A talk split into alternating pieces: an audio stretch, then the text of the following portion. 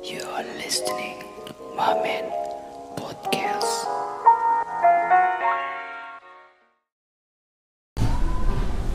Halo guys, selamat datang di Mamen Podcast. Yoi. Jadi hari ini adalah episode yang spesial lagi karena sebelum-sebelumnya kita udah bilang kan ke kalian kalau Mamen mau ngeluarin episode yang spesial terus. Iya, Betul kan, Gar? benar-benar. Nah, jadi di eh, di hari ini gue nggak ngobrol sendiri, gue ditemenin sama Tegar dan kita kedatangan satu bintang tamu spesial. Spesial banget nih. Pak. Ini spesial banget. Ini bukan MVP 300, oh kalah lewat. Kalah, lewat. Lewat lewat. Ini udah levelnya udah musisi. Iya benar. Udah nggak cuma ini doang ya, nggak cuma visual, berarti udah audio visual juga. Udah audiovisual, nggak cuma mengagumi tapi juga berkarya. Berkarya. Dan karyanya itu legit. Waduh. Iya. Oke, so tanpa berlama-lama lagi, ladies and gentlemen, please welcome Mas Yesi Kristianto. Oh, thank you guys udah ngundang. Wih, ini suara musisi. Suara musisi kayak Dari do re mi fa si- sol la si do nya. C mayor ya. Iya, dari C mayor. mayor. Iya, ada John Mayer nih, Iya. Yesi Mayer. Iya. Waduh, lain nih. John Banding kalau Banding. Oke, halo Mas Yesi, apa kabar? Halo, halo guys, baik baik baik baik. Oke, Asik, cool. Malam-malam loh ini kita ngeteknya loh. Iya benar. Makasih banyak ya Mas udah ngeluangin waktunya Siap, buat siap. mampir ke Mamen Podcast. Gua yang thank you banget udah diundang sama Men, semoga bisa berguna nanti. Iya, semoga podcast Semoga ini obrolannya seru ini. Semoga obrolannya Tapi pasti seru. seru sih. pasti seru sih. Menarik Karena gue akan belajar untuk nyanyi nih. Wah. Waduh. Persiapan MVP 300 gue. Waduh. Enggak deh guys, gue udah pensiun. Pensiun. Oke. Biasanya semua orang bilang begitu. Iya tuh. Awalnya. Udah udah paham. lebih lebih paham dari kita Iya, loh. makanya. Waduh. Kelihatan da- dari zaman dulu berarti ya. Dari zaman dulu ngidolnya nih. Oke, eh, Mas Yesi, Ya. mau nanya-nanya nih. Mm-mm. Jadi mungkin kita kasih tahu dulu backgroundnya kenapa Oke. kita ngundang Mas Yesi ke Mamen Podcast. Oke. Jadi beberapa hari yang lalu itu gue nonton salah satu konser dari tim JKT48 yaitu tim J Hmm. di Smesco Hall dan itu gue bener-bener amazed banget sama konsernya Gar. Ya. Karena Kenapa tuh? karena gini. eh, mungkin ini berbeda dari konser-konser yang biasanya ya. Jadi di konsernya tim J kemarin itu mereka nge-breakdown konsernya tuh dengan berbagai macam em, genre gitu kan. Iya. Ada genre rock, ada jazz, ada akapela, ada dangdut juga. Hmm. Dan itu menarik banget sampai akhirnya gue melemparkan tweet gitu ke lini masa. Gue tanya, gue pengen tahu deh siapa sih sebenarnya arranger di balik kesuksesan konser J ini. Lalu kucuk-kucuk-kucuk ada yang bales. Ini nih suruh orangnya. Tanpa berlama-lama lagi gar langsung Langsung ya? langsung gue lempar ke grup kan itu. Guys, gue mau ngundang Mas Yesi Kristianto nih ke Iya. podcast kita. Gimana gak? Gas gak? Gas. Oke. Ya udah, langsung gue hubungin Mas Yesinya tuh. Untung aja Mas Yesi responnya juga hangat. Amin. Ya biasanya harus begitulah. Iya, Iya jadi, kan? Jadi gitu nih guys, eh, background kenapa Mas Yesi bisa mampir ke podcast kita. Iya, dia salah satu yang mengarans mengaransemen konser tim J kemarin ya. Iya, tim Ya. Jack kemarin. Nah, mungkin itu kan baru garis besarnya aja nih. Kita mau coba untuk masuk dulu ke hal-hal yang lebih deep dari Waduh. podcast ini nih. Apa nih, apa nah, nih? jadi mungkin eh, deep. Mas Yesi Kristianto, Mas Yesi panggilannya Mas Yesi ya? Iya, iya, iya. Oke, Mas Yesi mungkin boleh cerita nih, Mas Yesi Oh, oh. itu sekarang profesinya sebagai apa, Oke. kesehariannya Oh, oh. gimana? Ya ya ya, boleh boleh ya. Oke, jadi gue itu memang full time musician. Kegiatan gue sehari-hari adalah gue punya dua kantor sebetulnya. Yang pertama adalah gue eh, bekerja di Massive Music Entertainment. Itu adalah sebuah music publishing company yang dikelola oleh anak-anak eh, band Samson. Oh. Ya, dan gue juga memang di situ posisinya selain sebagai uh, creative assistant di music music publishing, gue juga jadi eh, pemain keyboardnya band Samson dan co-producer dari Samson. Waduh. Gitu. Heeh. Jadi gue memang karena full time musician ya, gue juga kerja selain Samson, gue main juga sama Jerox, Mm. gue main juga sama gue punya band gereja namanya Giving My Best lagi belum jalan lagi gue punya band metal juga namanya Miracle ya dan sekarang kantor gue yang kedua adalah Erwin Gutawa Music School Oh. sekolah musik Sekolah musik. sekolah musik dan di mana di situ gue kerja sam kerja juga dengan Mas Erwin sebagai pianis di orkestranya Mas Erwin jadi gue pianisnya Erwin Gutawa Orkestra Oh, aduh.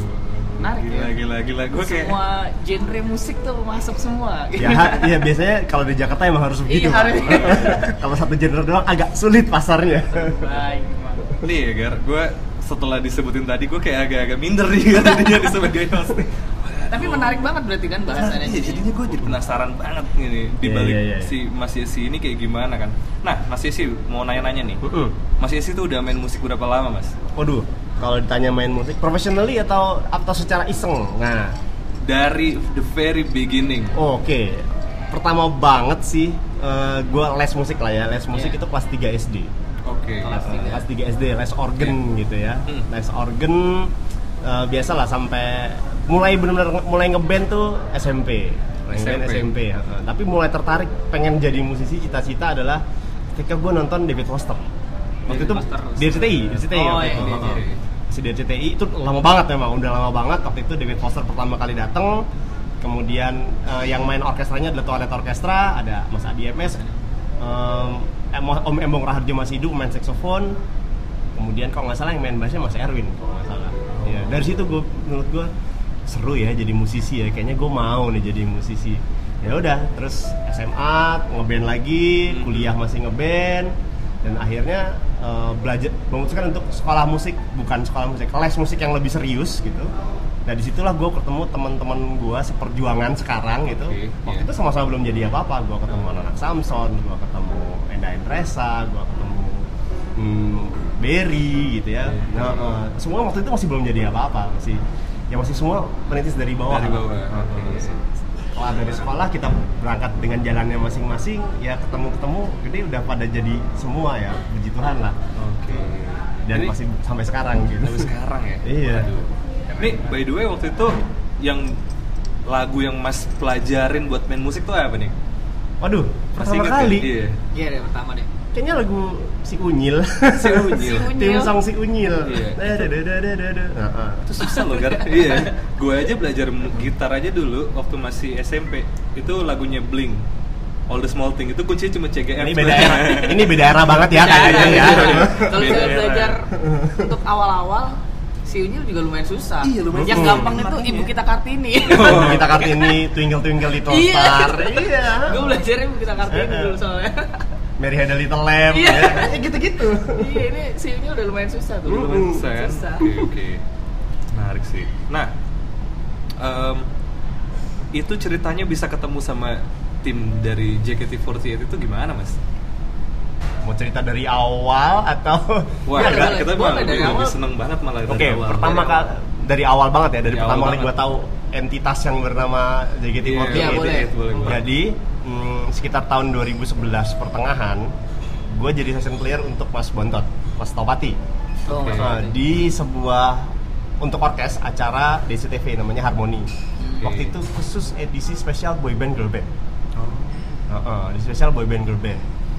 Saat itu gua masih istilahnya quote unquote ya anti banget ya sama boyband girl band nih apa sih joget joget nggak jelas gitu Iya, kan. iya, iya. lagi kita lagi GR gitu. Gue ngobrol begitu sama teman-teman. Apa sih nih? Nggak jelas nih. Terus gue inget banget ada dari atas kan kalau orkestra kan eh, Duduknya, duduknya iya, ya leveling tingkat gitu gitu, ya, ya, iya, iya. dari atas ada kayaknya pemain trompet atau pemain oboe. Eh lo hati-hati jangan sedih. Sebentar lagi oh ada nih girl band isinya 48 orang. Waduh. gue terus nengok ke atas yang bener lo ngapain aja itu 48 orang? Pasti itu tapi terus gue ini apa namanya gue curious, curious kan. Bener-bener gue sampai rumah gue googling apa itu band girl band 48 bener-bener literally gue googling kata-katanya girl band 48 orang. Gitu. Keluaran nama AKB48 Oh, AKB48 yang keluar apa ini? Sebenarnya lihat berita-beritanya. Gue pasti ngeceknya news, News karena kalau fact fact eh, nggak terlalu menarik. News dulu. Nah. berita yang pertama gue temukan adalah AKB48 menjual CD 1 juta kopi. Satu juta ya. gue bingung. Ini era di mana CD lagi nggak laku loh. Ini orang bisa jual satu juta kopi gimana caranya? Iya, iya. Ya, akhirnya gue kulik gue kulik gue kulik. Oh caranya gini sistemnya gini. Ada e- event ini yang dia jual ini menarik ya secara bisnis ya. Iya. Indonesia bisa nggak sih begini? Gitu dan ini gosip ini bener nggak nih bener kan November Iya. keluar tuh Nah. oh wah ini bakal sama kayak AKB juga nggak nih bikin bikinian kan nggak bisa nggak mungkin laku lah kalau di sini bakal digerebek FPI gitu kan Iya, pasti iya. beda. Heeh. Hmm. Terus keluar atau video klip Heavy Rotation versi Oke. JKT48 ya kan? Wah itu jauh banget dari bayangan gua tentang AKB48 dan dari girl band girl band yang pada waktu itu ya. Iya, iya, pada coba waktu beda banget sih. Ketika girl band girl band pada waktu itu bawa seksi, bawa cantik, bawa apa namanya, bawa sex appeal, Iya, iya. video klip Heavy Rotation bawa anak SMA, benar-benar anak SMA Iya. dengan rok abu-abu gitu. Iya, iya. Wah, keren ya, sangat down to earth. Tetap. Ini bisa nih kayaknya nih aku nih. Oh, bisa oke. nih. Dan sejak ya. itu gue mulai mengikuti gitu. Oh. Jadi mulai ngikutin Sebetulnya dari awal sebenarnya banget dari ya. dari AKB dulu berarti. Iya, tapi nggak nggak Tapi di AKB AKB sendiri nggak ngikutin. Nggak Maksudnya ngikutin lagu-lagunya juga nggak tahu. Cuma- akhirnya gue ikutin. Oh, akhirnya gue akhirnya. ikutin. Gue kulik satu-satu. Oh ini heavy rotation, uh, everyday Kasyusha, terus ada Sak- Sakura no Shiori. Sakura no Shiori itu buat Oh gue iya, itu bagus banget sih. itu bagus banget Iya. karena uh, zaman itu kan 2011 tuh Glee lagi naik ya. Oh iya, Glee. Glee lagi Glee naik. Oh, iya, iya. Jik- Sakura no Shiori ini formatnya Glee banget, paduan suara gitu. Iya. Oh, ini kalau JKT bisa nih keren nih. Dan bisa, Bisa. ternyata keluar, kan Iya, ternyata keluar gitu. Ya gitu. Jadi lagu-lagunya cukup gue ikutin lah. Hmm, Akhirnya pas sudah ada JKT, jadi JKT JKT semua. aja, eh, karena buat gue eh, Jepang itu ya gue nggak relate gitu. Oh, Indonesia dengan dengan JKT48 adalah membawa sesuatu yang bisa dirilit kepada masyarakat Indonesia. iya. iya. Ya, ini jadi serius ya, Bang? Iya, nggak apa-apa. Ya? Menarik sih. Oke, berarti kalau misalkan gue coba tarik benangnya, berarti emang Mas Yesi itu ngelihat dari video klip Heavy Rotation. Berarti Mhm. emang Mas Yesi melihat dari segi visualnya gitu, secara Iya. musiknya. Secara Gitu. musiknya udah jelas. Oke, soalnya kan kayak kita sebagai fans JKT48 atau 48 group Mhm. pasti akan mau untuk mendalami ketika kita udah ngelihat membernya. Wah ini Oh, oke nih. Iya, ada beberapa ada yang seperti Dan Iya, iya. mulai menggali lebih dalam. Kalau Mas Mhm. Yesi itu kayak ketika ngeliat heavy rotation, abis itu ngebayangin Enggak, karena bisnisnya kalau secara bisnis eh, ngelihat secara bisnis hmm, ya oke ini bisa berhasil kan terus habis itu ngeliat membernya ini ada yang mana yang bisa dijual oh ini satu nih yang di tengah nih ini melodi gitu kan Nah. terus ada eh, siapa waktu itu masih ada Cleopatra masih Iya. ada Sewaktu itu bersih bertiga tuh eh, Melodi, Cleopatra, Sania ya kan? Shania, Sania iya. itu masih bertiga di tengah tuh. Iya. ini kayaknya jadi Sania nih naik nih Sania nih. Kita, kita, gue bayangannya gitu. Jessica Veranda belum jadi apa-apa waktu itu. Iya, masih di belakang. Di belakang. Jadi tiga itulah. Oh iya iya. Terus habis itu diikutin terus. Hmm, Jessica Veranda tiba-tiba Cleopatra bikin kasus gitu kan cabut. Iya, iya, iya, iya. oh gitu ya. Gitu. Setengah masuk Jessica Veranda satu-satu gitu kan oh ini ada yang bisa main piano nih Jessica Vania gitu oh, ini lucu nih kayaknya nih oke nih diikutin nih Oh. lama-lama jadi bininya sahabat gue ya ini, ini kayak fun fact aja ya. Iya. Jadi kayak em, sebelum kita ngobrol, Tekar udah sempet bilang ini OC-nya Jessica Vania Iya, ini tuh." JJ nih. Mm-mm. Soalnya gue kan eh, pernah ya tahu kenal sama beberapa fanbase-nya juga kan waktu dulu tuh kayak sempet mau bikin lagu pas graduation-nya JJ. oh iya iya itu gue yang aransemen Ya makanya. Oh, oh ternyata ini Mas apa? Mas Yesi ini OC-nya JJ baru Hmm. di situ. Sebelumnya tuh ya tahunya karena kayaknya semuanya disukain deh. Oh. Iya, kan emang memang gue sengaja membuat kelihatannya itu abu-abu. kelihatannya gitu Iya, abu-abu. iya, iya, iya. Ternyata akhirnya tahunya Oh. pas JJ graduate grad. itu justru. Iya, iya, iya, iya, iya. ya karena gue emang tertarik sama yang emang karena gue musisi Iya, ya. karena musisi biasanya gue merasa bisa membantu orang yang memang bermusik. Iya. Kalau misalnya let's say gue uh, mendukungnya let's say Jessica Veranda, gue nggak bisa apa-apa soal modeling, nggak ngerti Iya. lah. gue bisa kasih nasihat apa Iya. gitu. Bener dia. Oke. Em, tapi Mas Yesi tuh waktu tahu 48 selain mengikuti Mm-mm. dari berita berita dulu kan, Mm-mm, berita dulu habis itu ngeliat video klip, Mas Yesi juga mengikuti kegiatan yang mereka buat nggak? Kalau yang Jepang enggak. Gue cuma ngikutin yang di Jakarta. Jadi Contohnya apa aja? Misalnya ya handshake festival gitu Oh, ikut? kan. Handshake? Enggak, enggak, gue nggak ikut. Oh, nggak ikut, Nggak tapi ikut. mantau. Oh. Heeh, mantau aja. Oh, Eh, gue tahu sih, nih tanggal. Oh, ada handshake, ada konser, ada apa. Gue cuma ngikutin itu aja. Karena secara waktu jujur aja, musisi kan nggak ada deadline ya, nggak ada. Iya, iya, maksudnya iya. bukan nggak ada deadline. Apa namanya? Schedule-nya nggak jelas gitu. Ah. gue bisa nonton itu aja setahun sekali udah syukur. Bisa nonton di F, F4 itu setahun Iya. sekali udah syukur gitu. Berapa kali Mas total Mas yang kehitung? Adakah 10 nggak nyampe nggak nyampe nggak nyampe 10 dari tahun 2011 2011. sampai 2019 nggak nyampe 10 nyampe. nggak nyampe kayak gue 10 berarti ya. Waduh, Heeh. gue boleh didaftarin nggak? Gue new friend campaign nih. Oke. Oh berarti emang nonton teaternya jarang tapi jarang tapi gue ngikutin terus Tapi ngikutin lagu-lagunya. ngikutin terus. Lagu-lagu ngikutin. Apa? Rilisan terbaru gitu. dan terus ngikutin karena emang lagunya menarik Iya. Nah, Oke. ini berarti namanya masukin Udah, topik udah. nih Udah Iya. masukin topiknya. Iya. Dari dari Lagu. apa sih namanya waktu itu lagi apa sih namanya GR, abis itu Uh-uh. tahu 48, abis itu next stepnya apa tuh sampai bikin Mas Yesi akhirnya bisa dipercaya gitu. Oh oke. Gitu. Hmm, jadi karena gue suka lagunya ya. Iya. Tapi gue terus merasa lagu-lagu mereka itu kayaknya kok kalau direpresentasikan secara Jepang di Indonesia kok nggak masuk ya. Ini kenapa lagu-lagu ini nggak nggak ngetop ngetop gitu? Iya, kayak Jepang gue penasaran gitu. Yang ngetop cuma satu, eh tiga. Tiga Oh, doang. Apa Jakarta, Mas? Heavy Rotation, Consider Fortune Cookie. Ah, Iya. aduh, setuju. Oh, iya, benar. Cuma tiga itu. Iya. Heavy Rotation karena masuk iklan. Iya. Kita kata karena dompleng Heavy Rotation. KFC karena dompleng sinetron. Iya, sinetron. Iya kan? Hmm. Tapi KFC ini menurut gue spesial karena emang di saat itu hmm, lagu ini sangat Indonesia dalam arti kata gini. Liriknya sederhana, Iya. da- melodinya sederhana, da da da da da da da da da da da da. Itu orang Indonesia gampang banget. Easy to listen ya. Jadi- Senternya tapi ha- apa Haruka jadi. Haruka, ya. Ikonik juga. waktu Iya, dan di waktu itu senternya Haruka kan. Siapa nih Jepang gitu kan? Iya kan, orang Iya. Ya cuma tiga itu, sisanya gue dengerin kan, gue gue beli apa tuh DVD-nya Pajama Drive ya, Pajama Iya, Drive iya, waktu itu. Pajama. Iya, lagunya bagus-bagus tuh. Kok nggak naik Iya, ya? iya. Gitu kan.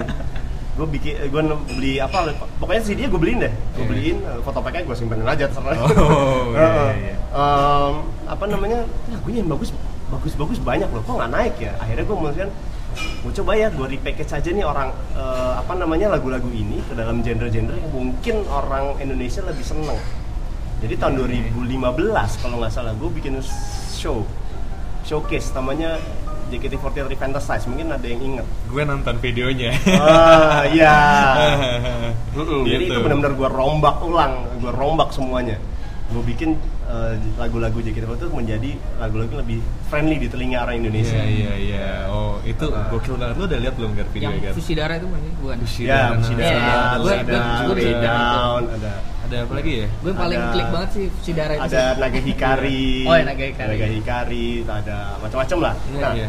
nah Fushidara itu menarik karena di Iya. salah satu lagu di lagu Fushidara yang di Revantasize itu, gua ngajak temen gua pemain bass namanya Sheila. Hmm, oke. Sheila Sheila Permatasaka. Dia main bass ya sangatan gua lah, jadi agak-agak udah agak-agak senior juga. Hmm.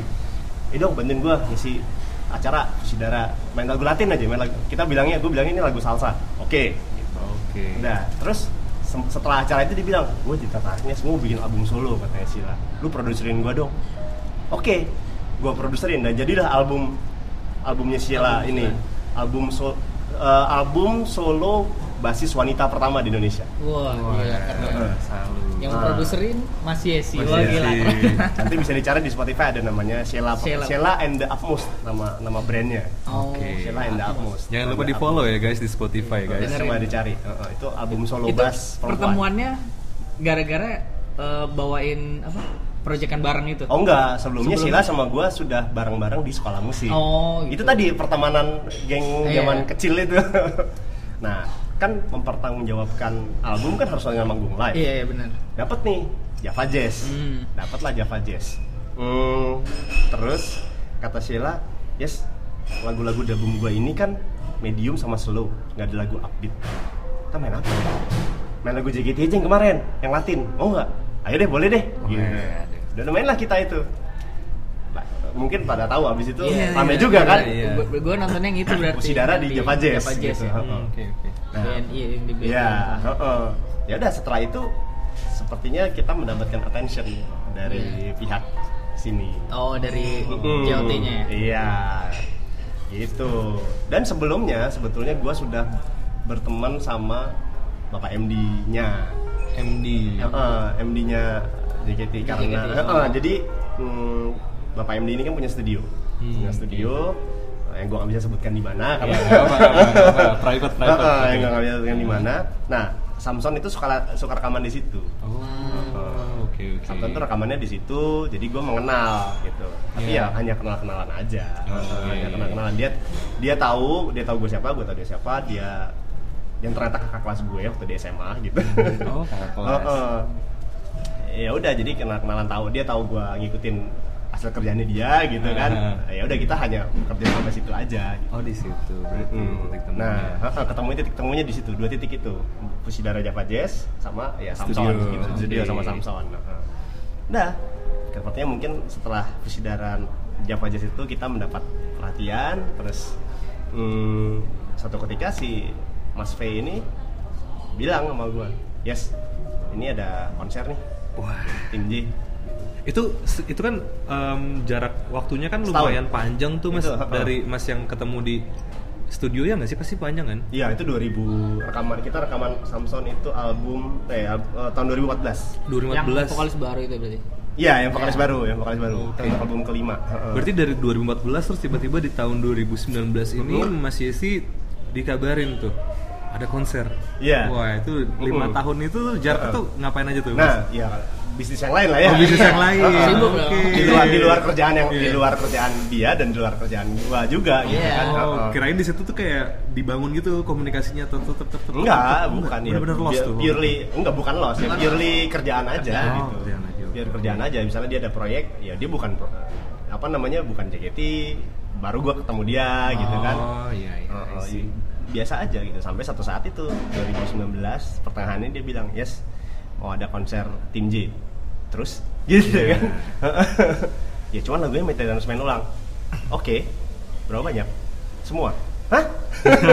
Semua? Guys, guys semua. Tuh, semua Hah? track Apa? JKT gitu. enggak maksudnya untuk konser ini Ah, Semuanya. satu- satu konser itu dikasih list. konser itu yang mana eh, konser ini mau diapain ya mau main ulang berapa banyak lagu di konser ini mau main ulang Iya. semua oke gitu Terus akhirnya gimana? Hah? itu setahun ya? Apa? Dikabarinnya bro?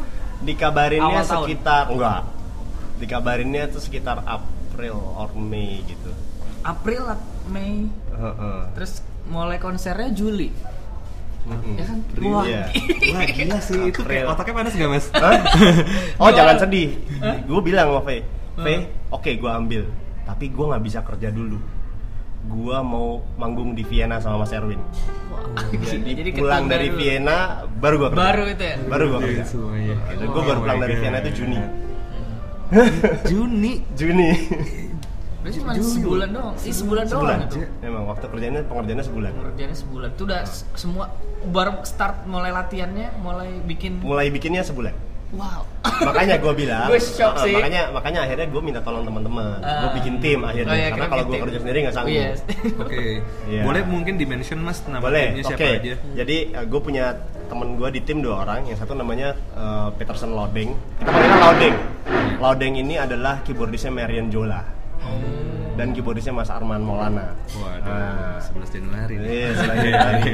Oh bukan, kalau Mas Arman kan ini apa namanya? Solonya itu. Hanya kamu yang Iya. bisa. Nah, yang itu. Oh, iya iya iya. Oke. Kalau yang satu lagi namanya Mas Stefanus. Stefanus ini gue kenal karena eh, apa namanya eh, satu kumpulan keyboardis lah keyboardis keyboardis gitu ya. Dan gue tau dia bisa ngarep dangdut. Oh, Oh, dan gitu. dia tuh bisa bikin dangdut. Siap. Dan dia bisa ngarepin R&B. Gitu. Jadi gue kontak dua orang ini. Deng, gue butuh bantuan lo. Oke, Nus, gue butuh bantuan lo. Hmm. Oke, Mas bikin apa? JKT48. Kaget ya dia. Hah? Oh boleh boleh boleh. Gitu. boleh lah. Malah Pasti tertarik ya? pasti. Langsung tertarik ya? Iya mau mau mau mau. Ya biasa musisi gitu sih, ada sesuatu yang Yang challenging. Yang challenging tuh wah, kayak seru nih, seru gitu. Lalu mas? Mm. Nah setelah itu eh, udah nih kita ngumpul kita ketemu V, kita ketemu M, MD-nya, kita tanya lagunya apa aja, Hmm. kan dapat nih listnya Iya, tuh, listnya. Oke, Oke. ini minta Desmond ulang kayak apa jadi konsepnya bukan datang dari gue jadi bukan ide gue Oh. untuk misalnya lagu ini dibikin rock lagu ini dibikin enggak konsepnya datang dari sana Oh iya. Mereka iya. yang minta. Nah, mereka minta jadi lagu ini rock lagu ini lagu ini lagu ini lagu ini oke terus nah setelah kita dapat nih list lagunya sama request treatmentnya yang kita lakukan adalah mencari referensi Oh nih referensi itu menarik. Wah, menarik. Iya, heeh, mencari referensi kita ngumpulin kita bisa ngapain nih di dengan lagu-lagu ini kan udah tahu ya kalau lagu-lagunya yang di aransemen udah tahu kan, Lagu-lagunya udah tahu, kan? iya. oke yang pertama kita menemukan kesulitan adalah ini JKT Senju sama Pioneer ini udah rock itu tuh. ini mau diapain Iya, mau diapain lagi? Iya, iya, iya. ini mau diapain lagi persekutan ketiga adalah arasan kita dan balasannya Iya. itu disco banget gitu gue sampai gue sampai nawar sama Faye boleh nggak nih gue aransemen kayak Mahadaya Cinta beneran lagu Mahadaya Cinta jadi nggak Iya. rock tapi disco tapi pop dia cuma ngomong gini Aduh dituntut lo sama Mas Erwin pakai aransemennya dia oh jadi nggak jadi Oh, iya, tadi oh, iya kan karena Mahadaya Iya, Cinta iya. versi kita inti kan aransemennya Mas Erwin Iya, kan iya, iya, iya. Heeh. itu ada beberapa, beberapa trouble tuh Heeh. yang ketiga, yang eh, trouble berikutnya adalah Seiko Kayu Psycho Kayo. Psycho Kayu. Jadi dangdut kan itu ya? Iya, jadi dangdut kan. Dangdut versi apa ya? Gitu. Ah, oke. Dangdut kan banyak gitu. Iya, iya. Kemudian lagu-lagu jazz ini juga yang lagu-lagu jadi jazz. Ini maunya jazz yang kayak gimana sih? Jazz itu ada banyak, ada Latin jazz, ada smooth jazz, ada uh, neo soul, ada apa gitu kan. Iya. Ya udah, kata Faye uh, bikin aja lu atur aja. Lu pokoknya atur. jazz, pokoknya jazz, pokoknya rock. Oke. Jadi langkahnya berikutnya adalah nentuin referensi kan. Referensi. Betul. Referensi yang ketemu paling pertama Juliano Crescendo. Crescendo. Pertama kali Crescendo. gitu. Pertama kali. Pertama kali.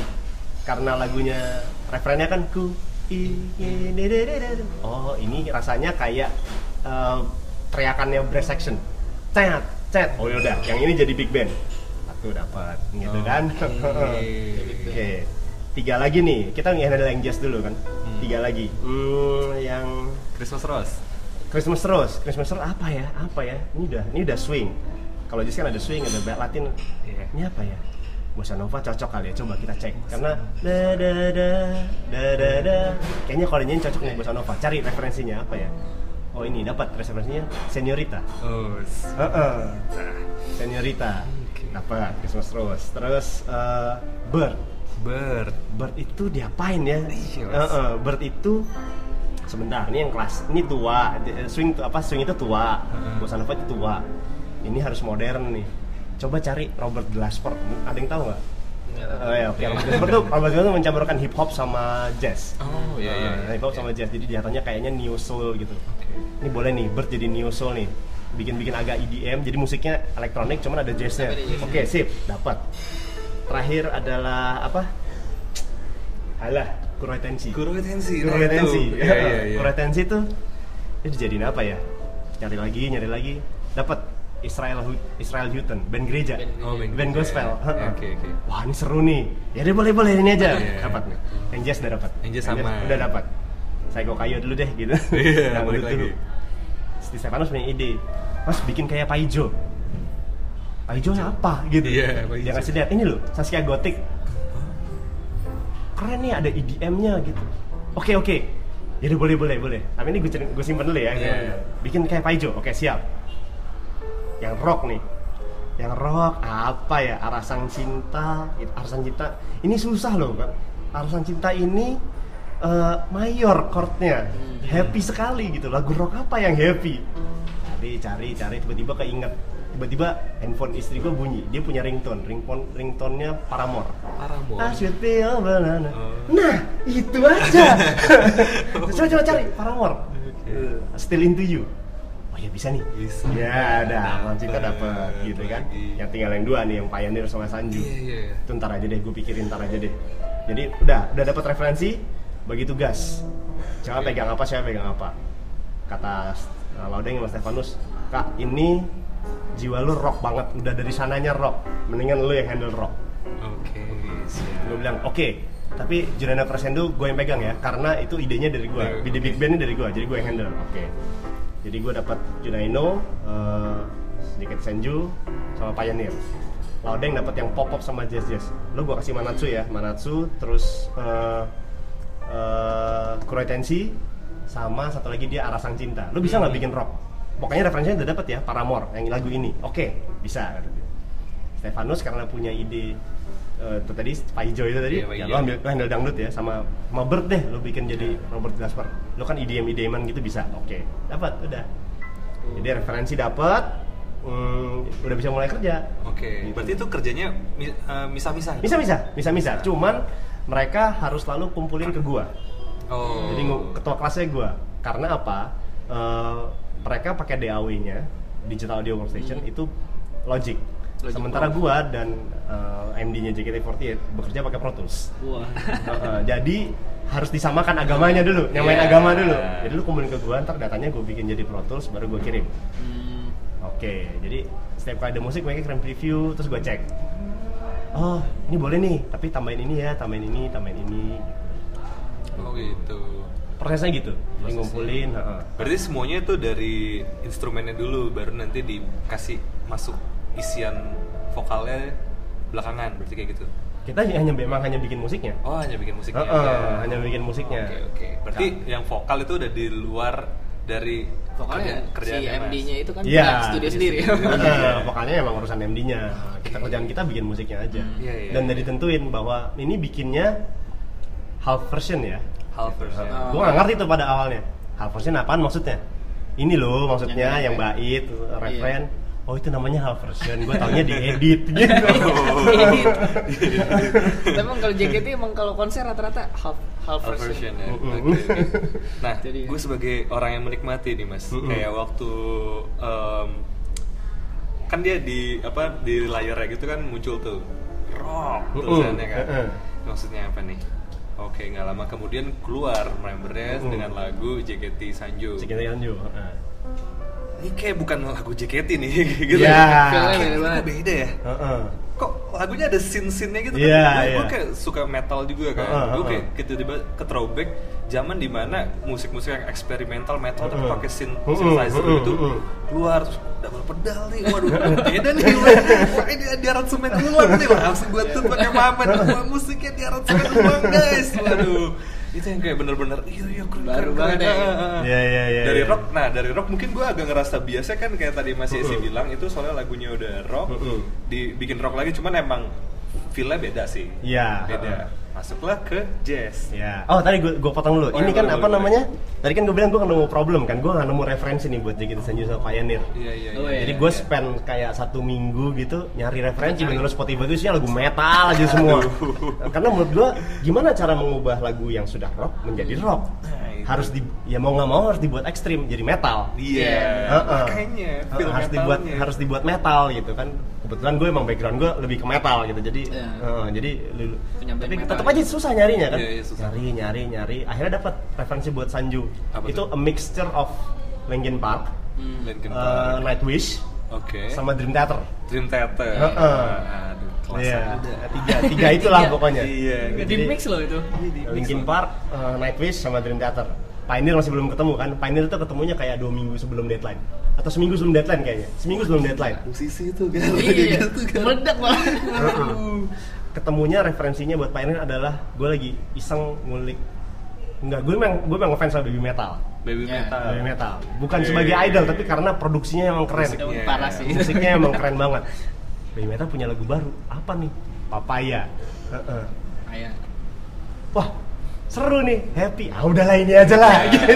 oh Heeh, Ada jadi kalau denger metal. yang Pioneer kemarin itu drum beatnya Papaya. Uh, synth pemilihan soundnya ya referensi itu. Referensi dari situ. Referensi dari itu. Udah dapat akhirnya semua. Gitu. dari baby metal juga tuh masuk Mm-mm. di influence Bisa ya, Iya, dimasukin dimasukin. ya. Heeh. gokil sih Berarti lagu-lagu yang dua tadi yang susah, yang susah Iya. didapat tuh berarti masterpiece banget itu. iya kayak ini kayak ibarat potongan lirik Sonichi kan? Usaha keras itu tak akan mendiam Yang ini agak keras, agak keras dulu. Ini keras banget nih, kan, usaha kan, keras banget iya. nih. kerasnya tuh udah literally keras nih Iya. Sulit Tapi- iya Tapi yang, yang menarik tuh gini, jadi kan Mas Yesi juga suka lagu JKT dan dikasih pekerjaan dengan deadline yang tight sangat- banget iya, gitu tight ya. banget Hmm. gitu. Lagu JKT itu gimana perasaannya? Seneng tapi pasti kan jadi ada ini ya campur aduk nih. Oh iya, iya sedikit campur dong. Wah, Wih, seneng nih, seneng sih lagu Lagunya oke nih. Lagunya ini, ini nih, wah boleh nih, boleh nih. Tapi deadline-nya mi- mepet nih dia. Iya, makanya itu. ya, tapi ya akhirnya profesionalisme bekerja. Iya. Toh, gue juga biasa bekerja di bawah tekanan, Tekanan gitu kan, ya. tekanan deadline gitu kan. Nah, ya udah kerjain aja gitu. ada dari semuanya itu ada lagu yang bener-bener numpang lewat doang di JKT tapi akhirnya didengerin banget di situ ada Numpang nggak? lewat. Kayak misalnya Hmm. ada lagu yang ah tahu doang nih tapi nggak nggak pernah dengerin detail banget. Oh ternyata Apa ya? aransemennya ini. Gitu. Hmm, Arah Sang Cinta gue jarang denger memang. Arasan Oh, cinta oh Cinta. Hmm, jarang gue cuma tahu gue cuma tahu karena itu ya ada ada chantnya Mahada Iya. Mahada Cinta. Ya udah lewat itu Iya aja. kan, lewat gitu. doang. Oh, oh, setelah didengar oh lagunya eh disco ternyata ya gitu. iya iya Heeh. Menarik Gitu. sih lalu, lalu masuk nih ke segmen jazz nih nggak Iya. itu kalau itu gue lupa dibuka sama apa oh kalau nggak salah dibuka sama Kuro Tensi Iya, dulu Kuro Tensi. Kuro Tensi dulu kayak gue ngeliat wah ini nih pusing malah gue nih. Nggak lama kemudian Vini juga nge-tweet waduh irgasem Iya. nih. waduh makin waduh gimana nih? Gue pengen harus live report tapi juga pengen ngeliatin kan. Ya udahlah gue agak santai dulu aja. Christmas terus karena Mas bilang tadi bossa nova kan. Nah gue sebenarnya nggak paham-paham banget Mas bossa nova kayak gimana.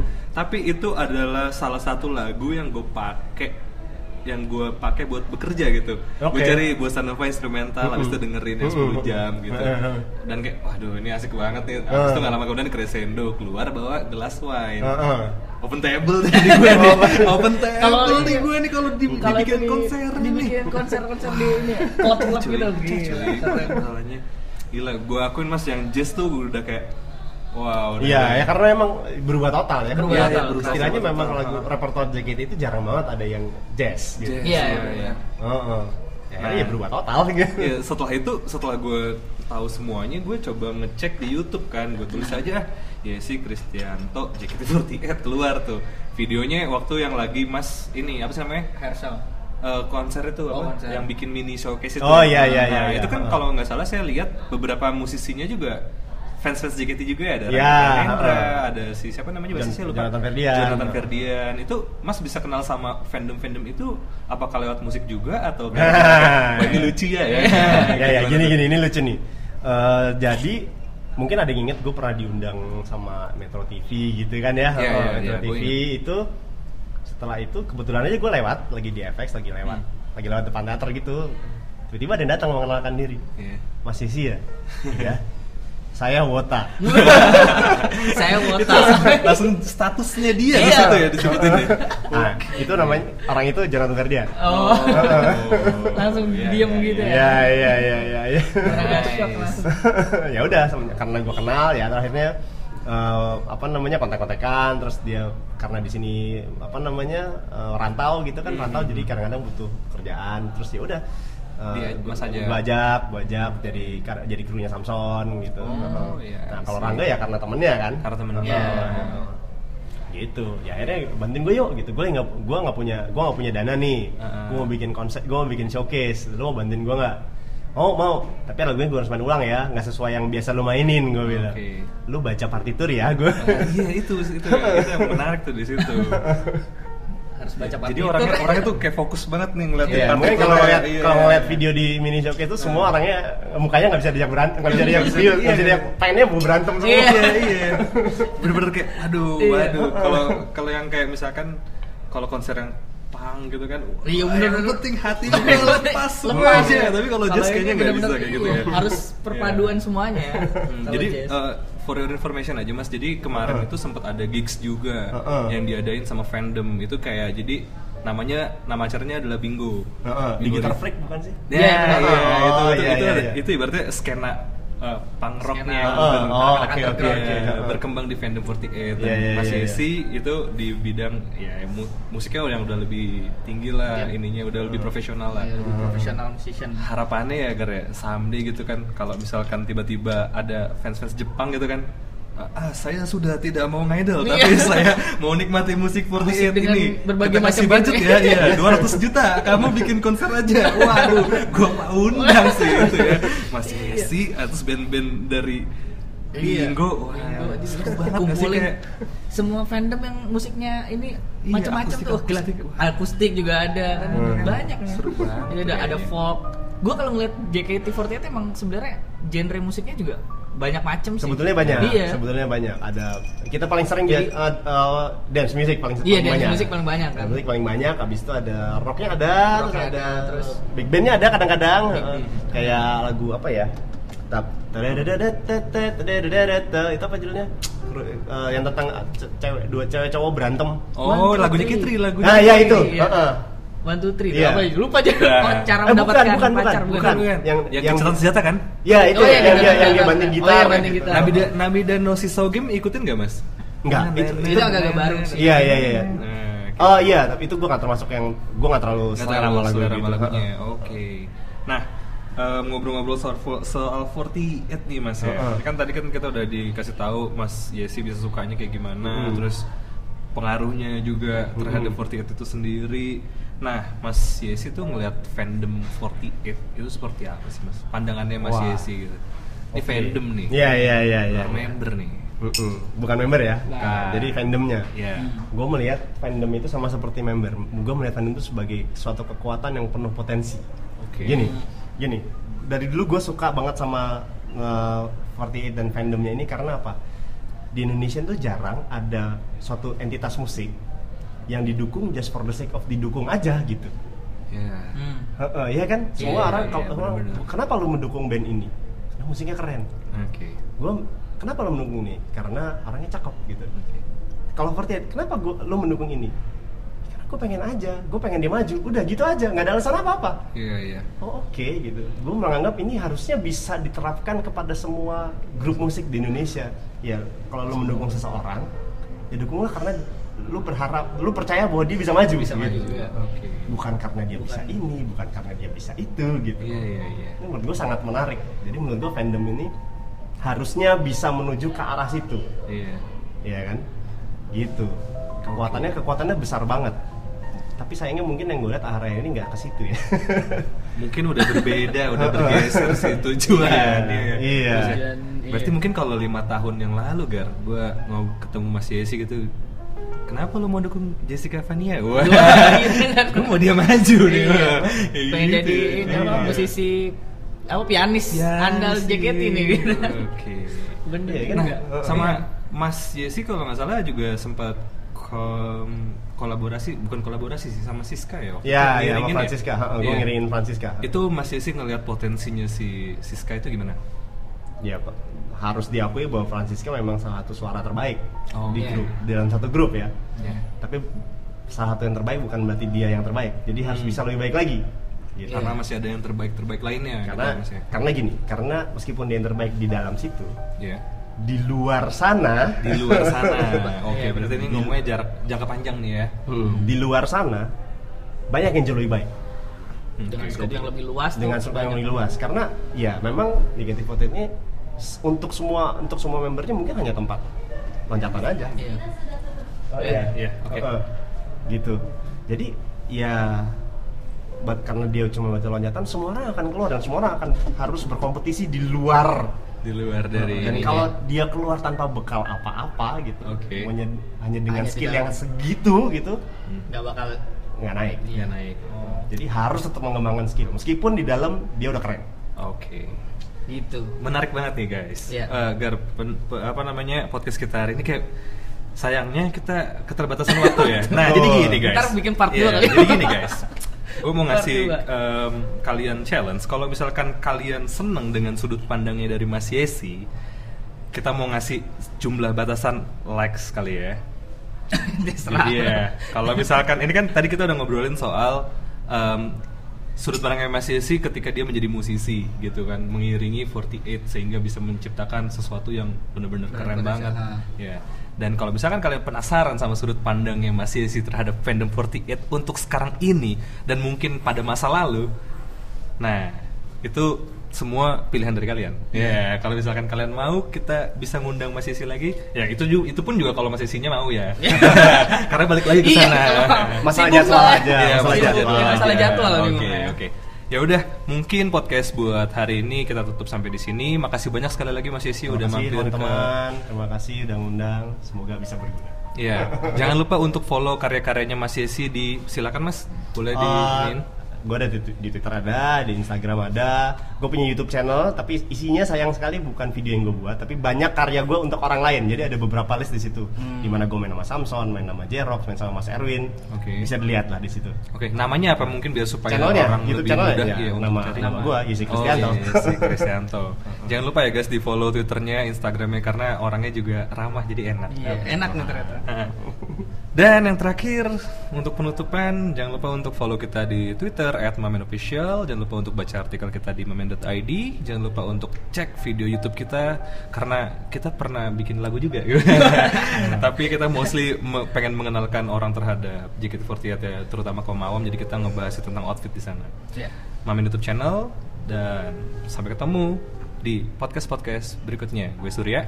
Gue Tegar. Dan saya Yesi Kristianto. Iya. See you on another episode. Dadah. Dadah.